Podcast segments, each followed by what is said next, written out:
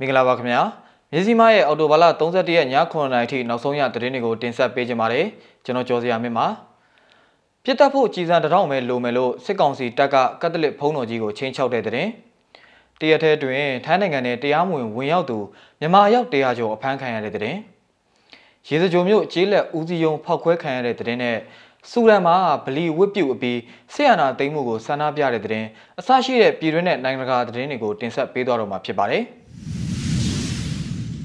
ပထမဆုံးသတင်းတစ်ပုတ်အနေနဲ့ပြစ်တက်ဖို့ကြည်စံတထောင်ပဲလိုမယ်လို့စစ်ကောင်စီတပ်ကကက်သလစ်ဘုန်းတော်ကြီးကိုချင်းချောက်တဲ့သတင်းကိုတင်ဆက်ပေးကြပါမယ်။ရှမ်းပြည်နယ်တောင်ပိုင်းညောင်ရွှေမြို့နယ်မှာခရီးသွားနေတဲ့ကက်သလစ်ဘုန်းတော်ကြီးတစ်ပါးကိုစစ်ကောင်စီတပ်ကပြည်သူ့ကာကွယ်ရေးတပ်တွေကိုအထောက်ပံ့ပေးနေတယ်လို့ဆွဆွဲပြီးပြစ်တက်ဖို့ကြည်စံတထောင်ပဲလိုမယ်လို့တနက်ထောက်ချင်းချောက်ပြောဆိုခဲ့တယ်လို့ကာယကံရှင်နဲ့အတူခရီးသွားခဲ့သူတူကမျက်စိမှောက်ကိုပြောပါတယ်။ အော်တိုဘာလ30ရက်နေ့လယ်ပိုင်းကညောင်ရွှေမြို့ကနေဖဲခုံမြို့ကိုမောင်းနှင်လာတဲ့ကားတစ်စီးမှာကက်သလစ်ဘုန်းတော်ကြီးအပါအဝင်ခီးတဲ့9ဦးလိုက်ပါလာခဲ့ရာထီကျေးရွာအရောက်မှာစစ်သားရှေဦးကန်ကတားဆီးစစ်ဆေးမှုတွေပြုလုပ်ခဲ့တာဖြစ်ပါတယ်။ကားကိုရက်ခိုင်းပြီးပါလာတဲ့ပစ္စည်းတွေကိုချခိုင်းတယ်။သူတို့ကကြမ်းရမ်းတမ်းတဲ့ပစ္စည်းတွေကိုပြစ်ချတယ်စစ်ဆေးတယ်။ကားထဲမှာအတူပါလာတဲ့ကက်သလစ်ဘုန်းတော်ကြီးကိုလည်းစစ်ဆေးတယ်။ဖုံးတော်ကြီးကိုတော်လန်ရေးမှာရန်ပုံငွေတွေရှာပြီး PDF ကိုထောက်ပံ့တယ်တ နက်တွေဝယ်ဆေးတွေဝယ်ပြီးမကောင်းတဲ့ဘက်ကိုအားပေးနေတယ်လို့စစ်သားတွေကစစ်ဆွဲပြောဆိုကြောင်းခီးတဲ့တူကပြန်ပြောပြပါဗျ။အသက်46နှစ်အရွယ်ဖုံးတော်ကြီးကိုနှထင်မှာတနက်ထောက်ထားပြီးနေပူပူမှာဒူးထောက်စေလျက်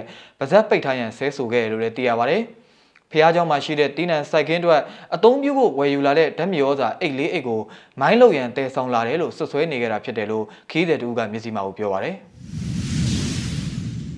တရထဲအတွင်းထိုင်းနိုင်ငံနဲ့တရားမဝင်ဝင်ရောက်သူမြန်မာရောက်တရားကျော်အဖမ်းခံရတဲ့တဲ့တင်ကိုဆက်ပြီးတင်ဆက်ပေးကြပါမယ်။ထိုင်းလုံခြုံရေးတပ်ဖွဲ့တွေဟာအော်တိုဘာလ30ရက်နေ့က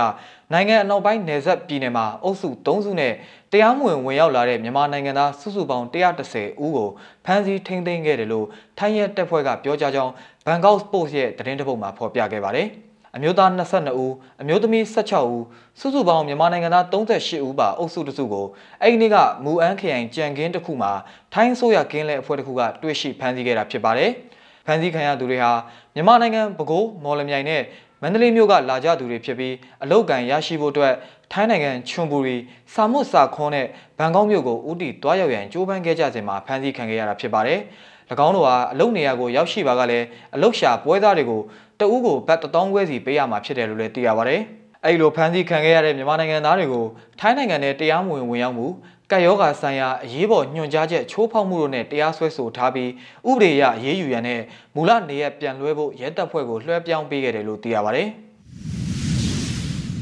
ရေစကြိုမျိုးကျေးလက်ဦးစီးယုံဖောက်ခွဲခံရတဲ့တဲ့တင်ကိုဆက်ပြီးတင်ဆက်ပေးကြပါမယ်။ မကွေးတိုင်းဒေသကြီးပခုတ်ကူခရိုင်အတွင်းမှာရှိတဲ့ရေစကြွမျိုးကျေးလက်ဦးစီးရုံးကိုအော်တိုဘာလ31ရက်နေ့နနက်ပိုင်းကဖောက်ခွဲမှုပြုလုပ်ခဲ့တယ်လို့ People Defense Force ရေစကြိုအဖွဲ့ကထုတ်ပြန်ထားပါတယ်။ကျေးလက်ဦးစီးရုံးဝန်ထမ်းတွေအနေနဲ့စစ်ကောင်စီကိုတစ္ဆာခံရုံးတက်ခြင်းကိုနိုဝင်ဘာလ1ရက်နောက်ဆုံးထားပြီးရပ်တန့်မှုနဲ့ပြည်သူနဲ့ပူးပေါင်းဖို့နောက်ဆုံးအကြိမ်အဖြစ်အတိပေးကြောင်းလည်းထုတ်ပြန်ထားပါတယ်။ရုပ်တံဖိုင်ကိုဖွင့်ပြခြင်းပါတယ်။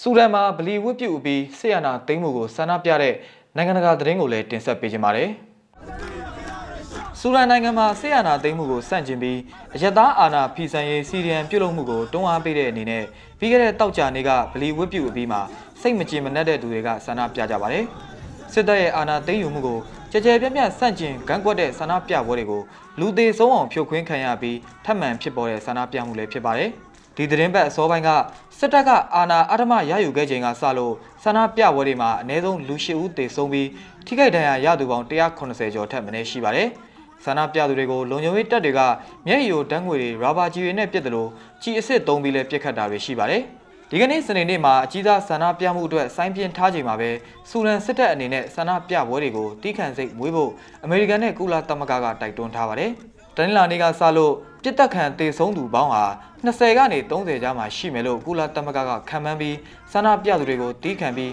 အကြမ်းဖက်တာတွေမလုပ်ဖို့ပြောဆိုပါတယ်။စနေနေ့ဆန္ဒပြပွဲဟာအာနာသိန်းစတူဒန်စစ်တပ်ရဲ့ရည်ရွယ်ချက်အတွက်အမှန်တကယ်စမ်းတက်မှုဖြစ်လိမ့်မယ်လို့အမည်မဖော်တဲ့အမေရိကန်တာဝန်ရှိသူတို့ကပြောပါတယ်။စူဒန်ပြည်သူတွေအတွက်ငြိမ်းချမ်းစွာဆန္ဒပြခွင့်ရှိပြီးဒါကိုခွင့်ပြုပေးဖို့ဟာမရှိမဖြစ်ပဲလို့ကုလသမဂ္ဂအတွင်းရေးမှူးချုပ်အန်တိုနီယိုဂူတာရက်စ်ကပြောပါတယ်။ အာနာရှင်ဟောင်းအိုမာအားဗရှားကိုဖယ်ရှားပြီး2019ခုနှစ်ကလေးကစစ်ကောင်းဆောင်ဖြစ်ခဲ့သူဗိုလ်ချုပ်ကြီးအဒယ်ဖာတက်ဟာတိုင်းလာနေကစူဒန်ရဲ့ရတသားဥဆောင်တဲ့အစိုးရကိုဖယ်ရှားပြီးထိပ်တန်းတာဝန်ရှိသူကိုဖမ်းဆီးမိန့်ထုတ်ခဲ့တာဖြစ်ပါတယ်။စူဒန်နိုင်ငံဟာ 2019ဩဂတ်လကစလို့အယက်သားစစ်ဖက်ပူးတွဲကောင်စီကနေအုပ်ချုပ်နေတာဖြစ်ပြီးဝန်ကြီးချုပ်ဟန်ဒေါ့အစိုးရဟာအယက်သားအပြည့်အဝအုပ်ချုပ်ရေးစီဖော်ဆောင်နေတာလည်းဖြစ်ပါတယ်။ဝန်ကြီးချုပ်ဟန်ဒေါ့ကိုတင်းကျပ်တဲ့နေအိမ်အကျယ်ချုပ်ချထားပြီးအခြားခေါင်းဆောင်တွေကိုစစ်အကျဉ်းစခန်းမှာထိန်းသိမ်းထားကြောင်းသိရပါတယ်။မြစီမရဲ့အော်တိုဘာလ31ရက်ည9:00နာရီထိနောက်ဆုံးရသတင်းတွေကိုတင်ဆက်ပေးကြတာပါ